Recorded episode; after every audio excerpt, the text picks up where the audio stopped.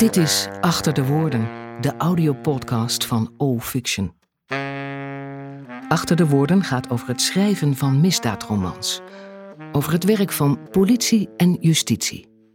Over verhalen, van binnenuit. Gebaseerd op actuele, waargebeurde zaken. Achter de Woorden, een podcast waaraan je verslaafd kunt raken.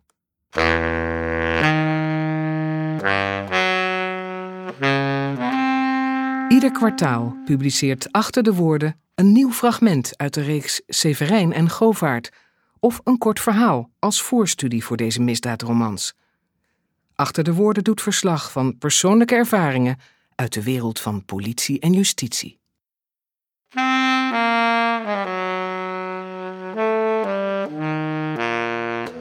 Ben je geïnteresseerd in het dagelijks werk van de afdeling zware criminaliteit van de recherche? Wil je meer weten over het team ondermijning van het Openbaar Ministerie? Wil je voelen wat het betekent om te werken in de opsporingspraktijk? Abonneer je dan op Achter de Woorden via onze website allfiction.nl en laat weten wat je van deze afleveringen vindt. Zoek je contact? Heb je vragen, opmerkingen of suggesties? Kijk op allfiction.nl. Achter de Woorden, een criminele podcast.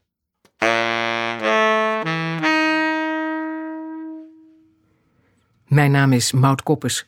Je luistert naar aflevering 9 van februari 2021. Zometeen hoor je de proloog uit Kwaad ontwaakt, het derde deel van Severijn en Govaart. Nu eerst een persoonlijke keuze van de schrijver, Erik Oosthoek. Het driedelige politiedossier De moord op Oscar Oldhoff. Achter de schermen bij de recherche.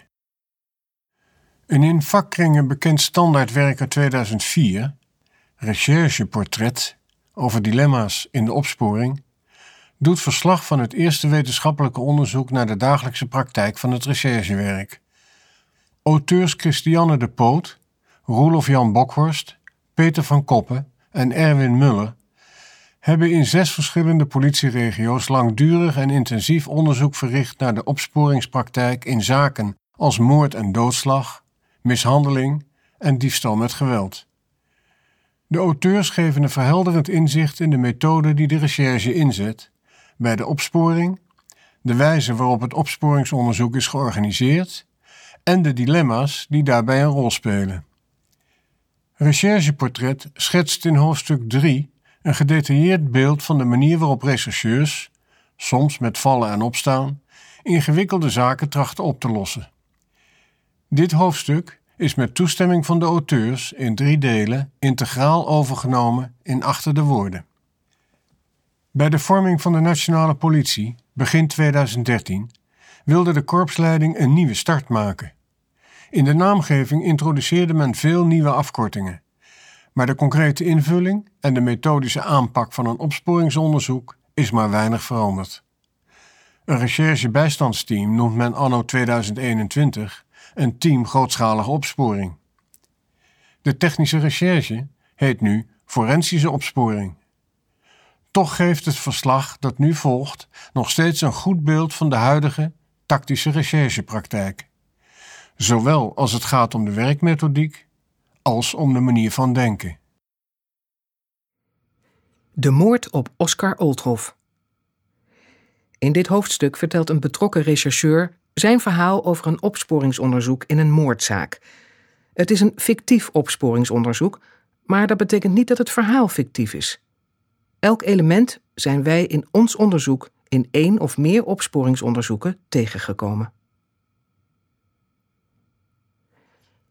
Maandag 16 februari 2004. Ik ben geen klagerig type, maar het moet me toch van het hart dat wij de moordenaar van Oscar Oldhoff vooral door toeval hebben gevonden. Vanmiddag hebben we de evaluatie van het woronderzoek gehouden en je zult begrijpen dat er vooral een juichstemming heerste. Het is ook mooi dat we hem al na twee weken onderzoek hebben gevonden. Maar meer kritiek op ons eigen onderzoek was wel nodig geweest. Ik ben niet in de positie om openlijk veel kritiek te leveren, dus vertrouw ik het maar toe aan papier. Ik geef toe, ik vertel een wat vereenvoudigde versie van het opsporingsonderzoek. Ik sla bijvoorbeeld vrijwel alles over van de getuigen die iemand beschuldigden omdat ze hem een verdacht type vonden of een engert. Al die mensen werden nagetrokken, maar dat leverde niets op. Elk detail dat ik niet hierna opschrijf, kan echter teruggevonden worden in de processen verbaal en het journaal van het onderzoek. Maandag 26 januari 2004. Het opsporingsonderzoek verliep op het eerste gezicht vrij normaal. Een uur nadat het lijk van Oldhof op maandag 26 januari 2004 was gevonden, was ik al ter plaatse. Ik trof een enorme bende aan. Oldhof woonde in een rijtjeshuis en was door de moordenaar behoorlijk toegetakeld. Overal in zijn huis zaten bloedsporen, hoewel beneden aanzienlijk meer dan boven. Verder was de moordenaar duidelijk op zoek geweest. Veel kasten waren opengetrokken en overal lag rotzooi. Een uur voor mijn komst was het lijk ontdekt, om ongeveer 15 uur 23. De zaterdag daarvoor was Olthof gewoon op zijn werk geweest. Hij werkte in feestartikelenwinkel van Edam als verkoper. Een goede verkoper uit de verhalen te horen. Hij kon mensen die om jeukpoeder kwamen met een duur Nixon-masker de deur uit laten gaan, vertelde de eigenaar later. Toen hij maandagmiddag, twee uur nadat de winkel was opengegaan, nog niet was verschenen, werd men ongerust. Olthof was een nogal stipte man. De bedrijfsleider belde de politie en ging zelf polshoogte nemen bij Olthofs huis aan de Lodewijkstraat nummer 19. Samen met de buurman van Olthof, Mark Robijn, keek hij door de ramen. In het hele huis brandde licht. Toen ze door de brievenbus keken, zagen zij Olthof liggen in de keuken. De collega's die direct daarna arriveerden, lukte het met hengelen de deur open te krijgen en naar binnen te gaan. Zij maakten de eerste fouten van de lange reeks die in het onderzoek nog zou volgen. Ik ontplofte zowat. Ze hadden een deken over het lijk gelegd. Buurman Robijn was nogal overstuur geweest door het zien van het lijk. Het slachtoffer was inderdaad behoorlijk toegetakeld. Dus waren de twee collega's naar boven gegaan, hadden door het hele huis gebanjerd, hadden een deken van Othofs bed gehaald en over het lijk gelegd. We zijn zorgvuldig over alle bloedsporen heen gestapt, was hun enige verdediging. Ze hadden zich niet gerealiseerd dat zij de plaatsdelict vreselijk hadden verstoord. Niet alleen was nu een onderzoek naar het bed niet meer zinvol, maar ook wisten wij niet meer waar allerlei kleine sporen op het lijk vandaan kwamen. Als wij op het lijk vreemde haren zouden vinden, zouden die net zo goed afkomstig kunnen zijn van een seksueel contact dat Oldhoff een week eerder met iemand had gehad. In hun opleiding was niets verteld over kleine sporen voor DNA-onderzoek. Ik heb even rondgekeken, maar ben toen weer vertrokken om de technische recherche niet voor de voeten te lopen. Op het hoofdbureau was al een bijeenkomst aan de gang over de vraag of een recherchebijstandsteam moest worden ingesteld. Dat is een speciaal team dat bijeengeroepen wordt voor een ernstig misdrijf waarbij niet direct een verdachte in beeld is, zoals moord. Een recherchebijstandsteam wordt geleid door een teamchef, meestal een chef van een district. Daarbij komt nog een tactisch coördinator, een administratief coördinator en een misdaadanalist. Het team wordt compleet gemaakt door een aantal rechercheurs. Dat aantal hangt weer af van de ingewikkeldheid van de zaak, maar is meestal een man of 20 tot 30. Al die mensen worden gehaald uit de districten en dus weggehaald van hun gewone werk. Dat gewone werk wil nog wel eens voor een deel doorlopen, vooral voor de chef van het team. De districten zijn verplicht mensen te leveren, maar dat loopt zelden soepel, zoals ook in deze zaak zou blijken. Dat heeft ermee te maken dat recherchebijstandsteams oorspronkelijk bedoeld waren voor bijzondere zaken en dus alleen in bijzondere gevallen zouden worden samengesteld. De praktijk is nogal anders. Vaak lopen er verschillende teams tegelijkertijd, soms wel vier of vijf. De bijeenkomst over het recherchebijstandsteam werd voorgezeten door officier van justitie Adriaan Bavink. Ik kwam erbij omdat ik de enige was die ter plaatse was geweest. Bavink vond het nog wat te vroeg voor het instellen van een recherchebijstandsteam. In ieder geval werd afgesproken dat als er een team zou worden ingesteld, Arjen Brouw, de districtchef van Oversmilde, teamchef zou worden en Bavink zelf als officier van justitie de zaak zou doen. Er werden wel direct enige rechercheurs vrijgemaakt om het eerste onderzoek uit te voeren, namelijk Diederik Eenbergen, Eko Eikelkamp, Emilie Geris, Eppo Grendelman, Erwin Heepke, Fleur Henselijn, Jan Hoven en ik. Na de bijeenkomst ging ik met Jan terug naar de plaats delict om te helpen bij het buurtonderzoek.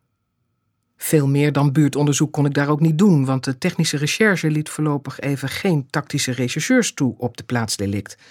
Dat zou zich later gaan wreken in het onderzoek, zoals ik nog zal vertellen. Martijn Rodenburg, het hoofd van de technische recherche, kon mij wel al iets meer vertellen over wat zij binnen hadden aangetroffen. Het slachtoffer was gekleed in een soort joggingbroek en een kooltruitje, dat volgens Rodenburg een pyjama was. Het moordwapen was ook gevonden: een gietijzeren wok met houten steel eraan. Het meest bijzondere van de plaatsdelict was dat de moordenaar had geprobeerd sporen uit te wissen. Maar de wok had hij juist niet schoongemaakt. Was hij die vergeten? In de keuken stond een emmer met een mop en een dweil erin en vrijwel alle bloedsporen waren verworden tot vegen. De technische recherche had al extra poeder moeten halen op het hoofdbureau, maar had nog geen bruikbaar vingerspoor gevonden, behalve een halve vinger op de houten steel van de wok. Er lag in het midden van de woonkamer wel een petje dat voor geur was veiliggesteld. Ook hadden ze delen van zoolafdrukken gevonden, die misschien door de dader waren gemaakt. Die liepen naar de tuin. In de tuin werden wel wat completere zoolafdrukken gevonden. Maar omdat het die ochtend, en trouwens ook de dag ervoor, vreselijk had geplenst, leek maar één afdruk bruikbaar.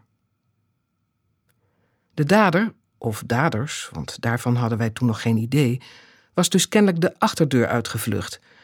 Die zat ook niet op slot en stond op een kier. Vervolgens was de dader over de schutting geklommen naar de binnenplaats van de bakkerij van buurman Robijn. En die binnenplaats grenst met een muur weer direct aan de straat. Er was al een hondengeleider gekomen, maar de hond vond geen bruikbaar spoor. De technische recherche had geen braaksporen gevonden. Olthof was dus door een bekende vermoord, althans door iemand die hij zelf had binnengelaten, was de conclusie. Maar zoals bleek was de achterdeur niet op slot. Ook op die manier zou de dader binnen hebben kunnen komen. In het huis van Olthof was nog iets raars. Alle prullenbakken waren leeg en er was nergens enig afval te vinden. Dat punt werd vrij snel opgelost toen ik de andere buur van Olthof, Maria Roselaar, hoorde.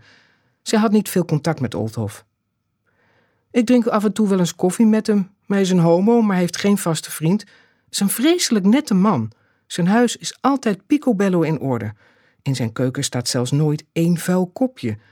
Het is niet raar dat jullie geen vuilnis vonden, want vanochtend is de vuilniswagen geweest. En Oscar is zo netjes dat hij er altijd voor zorgt dat al zijn afval met de vuilnis meegaat. Verder kon ze niets vertellen. Ze was wel het hele weekend thuis geweest, maar had niets bijzonders gehoord. Als Othoff zo'n nette man was, zou het wel eens rendabel kunnen zijn om in de woning naar haren te zoeken. Dat meldde ik direct aan Martijn Rodenburg. Daarna ben ik samen met Jan Hoven lang bezig geweest met de andere buur, bakker Robijn. Die man was inderdaad erg overstuur en ik kreeg maar in stukjes en beetjes een verhaal uit hem hij was gebeld door de baas van Olthof, die hij ergens anders van kende, en was bij Olthof gaan aanbellen. Pas later had hij door de brievenbus gekeken en toen al het bloed en het lichaam van Olthof gezien. Hij had overigens nooit erg veel contact met Olthof. Wij zijn goede buren en ik had geen hekel aan hem. Maar er bellen regelmatig vreemde jongens aan met een donkere huidskleur, dus ik vermoed dat hij met allerlei rare types omgaat. Daarom hou ik liever wat afstand. Verder heb ik niets te klagen over hem. Het is een hele rustige man die ontzettend netjes is en een beetje op zichzelf. Over de jongens die aan de deur kwamen wist hij verder alleen te vertellen dat ze allemaal zo tussen de 20 en 25 jaar waren en Indisch bruin. Hij had nooit dezelfde jongen gezien, behalve vanaf een jaar geleden tot een paar maanden terug, toen hij een tijdje samenwoonde met een jongen die Philip of Flip heette. De achternaam van die Flip wist Rombij niet. Olthof was dus een nette homo die met rare types omging. Aan die netheid besteden wij toen weinig aandacht, wisten wij veel dat daardoor uiteindelijk de moord zou worden opgelost. Wij vonden toen veel belangrijker dat het een homo was die met rare types omging. Het begon er dus op te lijken dat het een moord in het homocircuit was. Dat was dus de tweede binnen een jaar. Vorig jaar had al een team gedraaid om een moord op een homo hier in Groningen op te lossen, overigens zonder dat de dader gevonden was. Tot avonds laat zijn wij in de buurt doorgegaan. Eenberg en Eikelkamp hebben zich bezig gehouden met het noteren van kentekens van auto's die in de buurt geparkeerd stonden, terwijl de rest huis aan huis is wezen aanbellen. Het is raar dat er op maandagavond zo weinig mensen thuis zijn. De mensen die we spraken kenden het slachtoffer vrijwel allemaal van gezicht, maar hadden nauwelijks contact met hem. Er was één bewoner die misschien iets interessants kon vertellen. Die Reginald Smith woonde om de hoek tegenover de zijmuur van de bakkerij En op zondagochtend stond daar een auto waarin een man zat te wachten. Wie staat er nu op die plaats te wachten, vond hij en schreef dus het nummer van de auto op: 23 GZAL. Over de bestuurder kon hij alleen maar vertellen dat het een wat donker gekleurde man was van een jaar of dertig. Een van de rare types van Olthof? Dinsdag 27 januari 2004.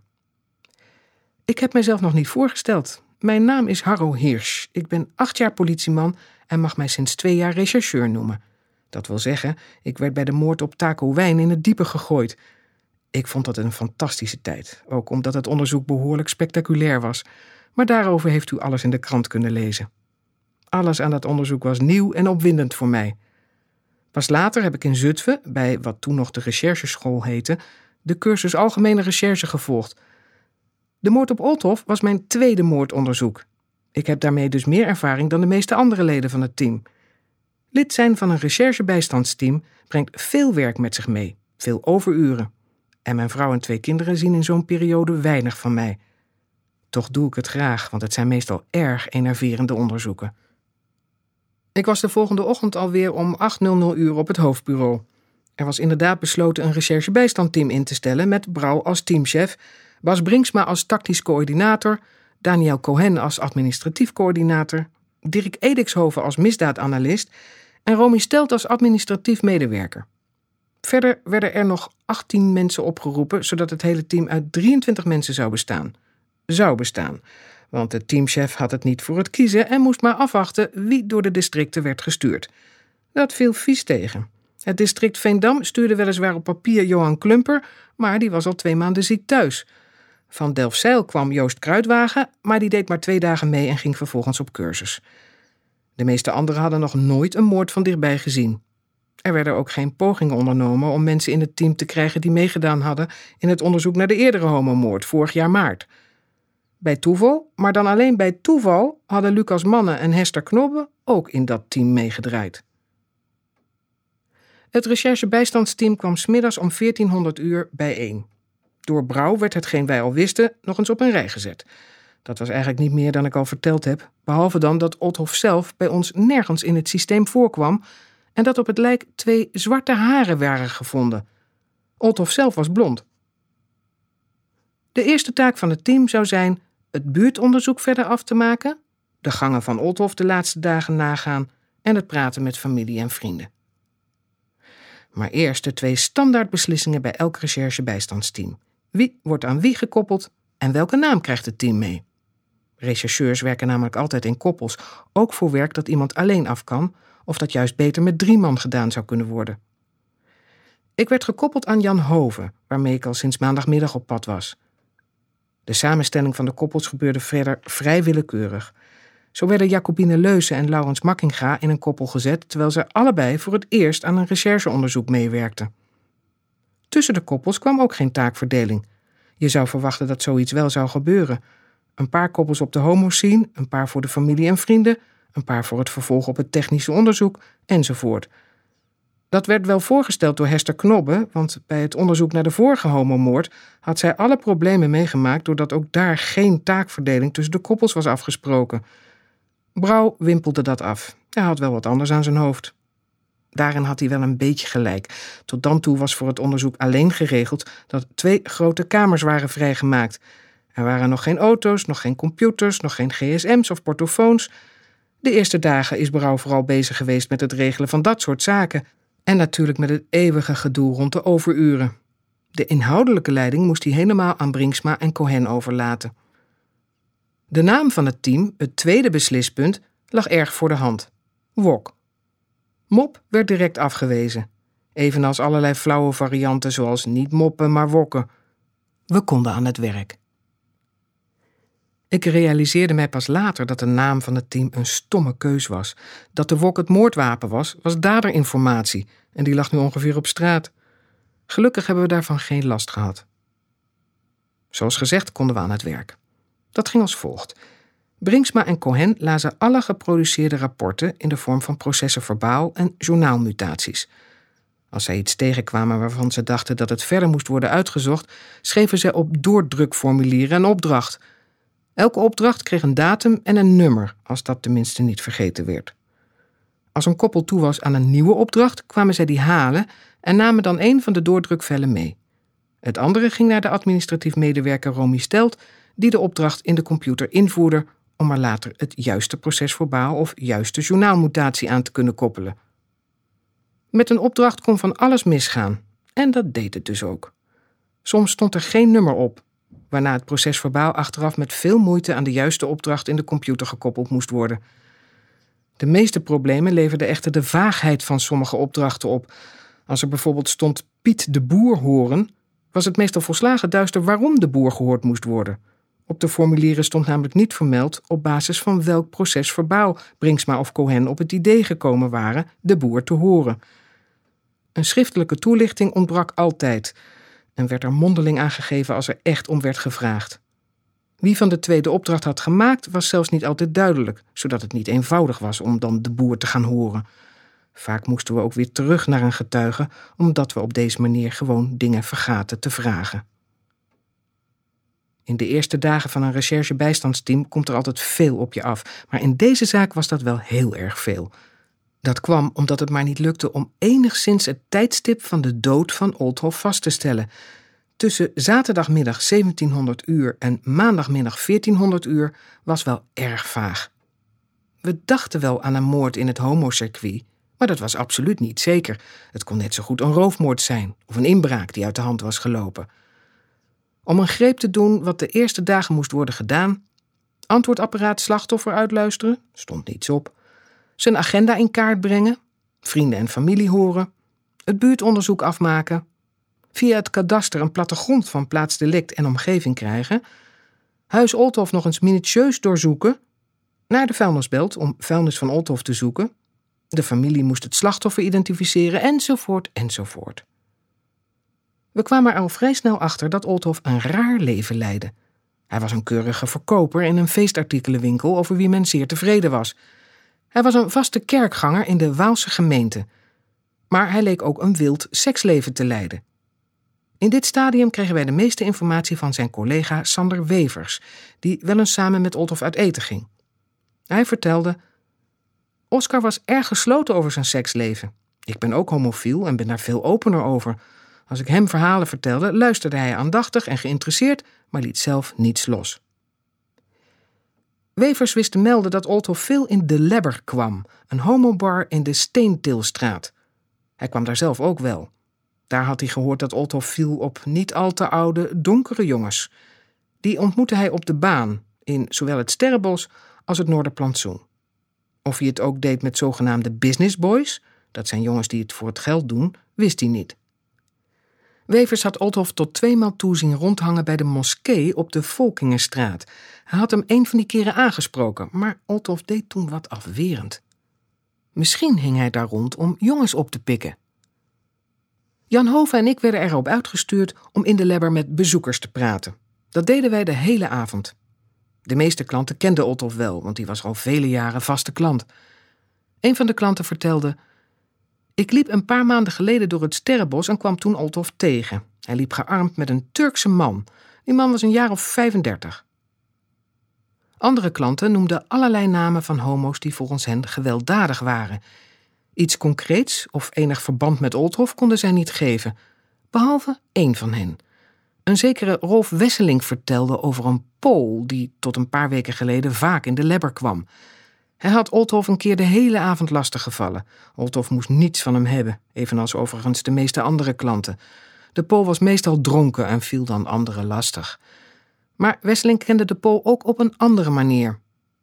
Ik ben eigenaar van een condomerie en daar komt die Pool ook af en toe. Als hij weer komt, zal ik proberen achter zijn naam te komen. De Pool had zwarte haren, dus we konden hem niet direct uitsluiten als verdachte. Dit was het enige lichtpuntje in een verder verloren avond in de Lebber. Dit was het eerste deel van een persoonlijk verslag van een van de betrokken rechercheurs over de gang van zaken bij dit rechercheonderzoek. Volgende keer in Achter de Woorden het tweede deel van het driedelige politiedossier De moord op Oscar Oldhof.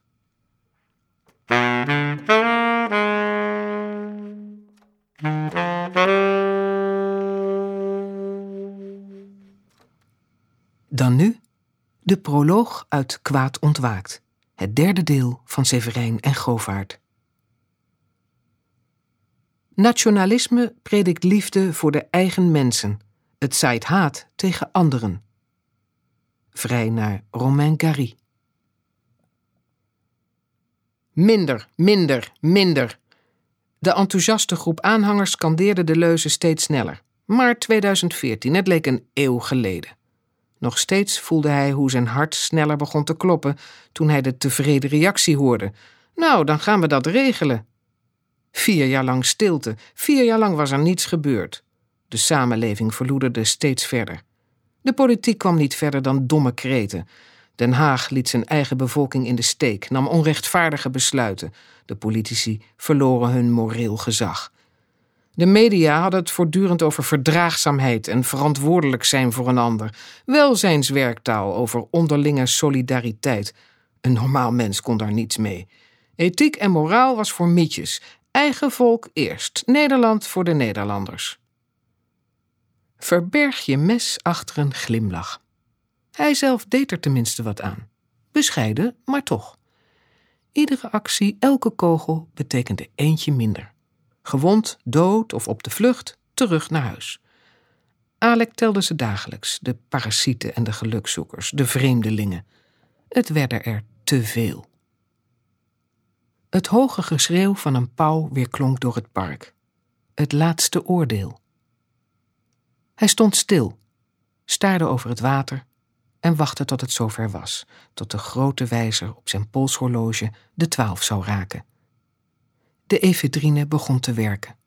Hij was helder, voelde zich alert, klaarwakker en actief.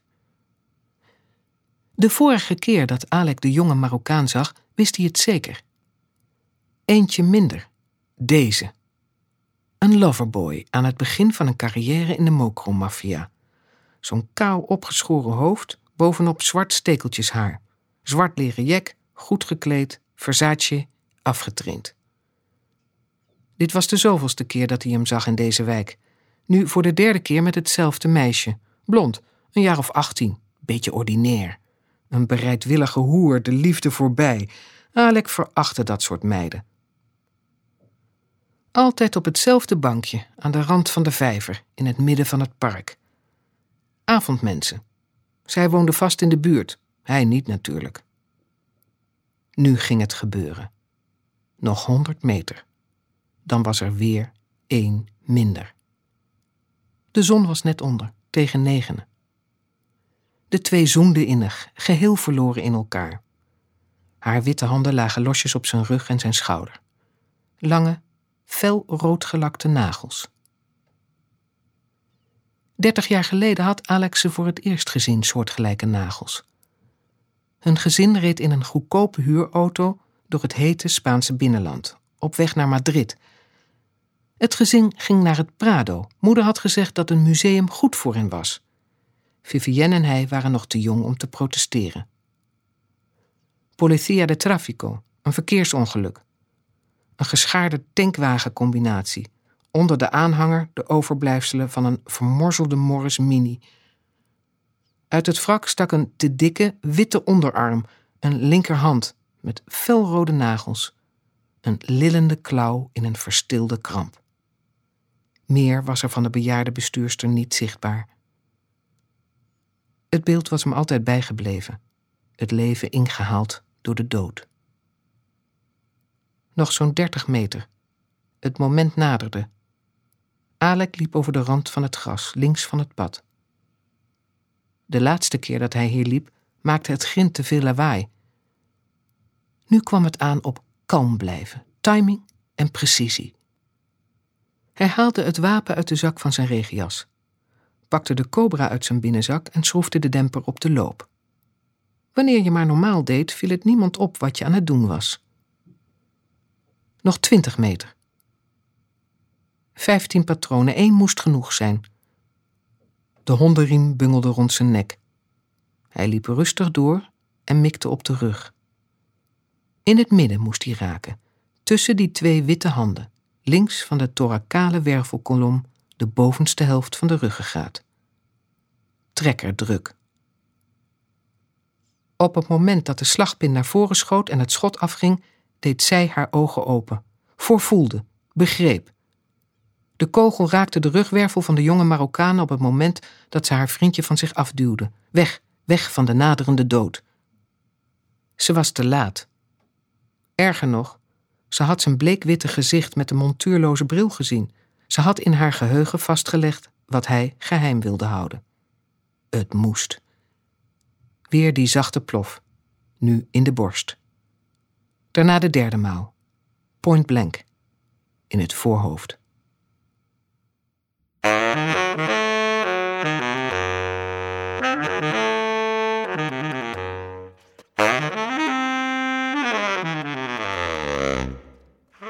Je luisterde naar Achter de Woorden, de audiopodcast van O Fiction. Op saxofoon Gerrit-Jan Binkhorst. Mixage Mark Meewes. Dit was het voor nu. Tot de volgende keer. Fictie werkt. Telkens weer.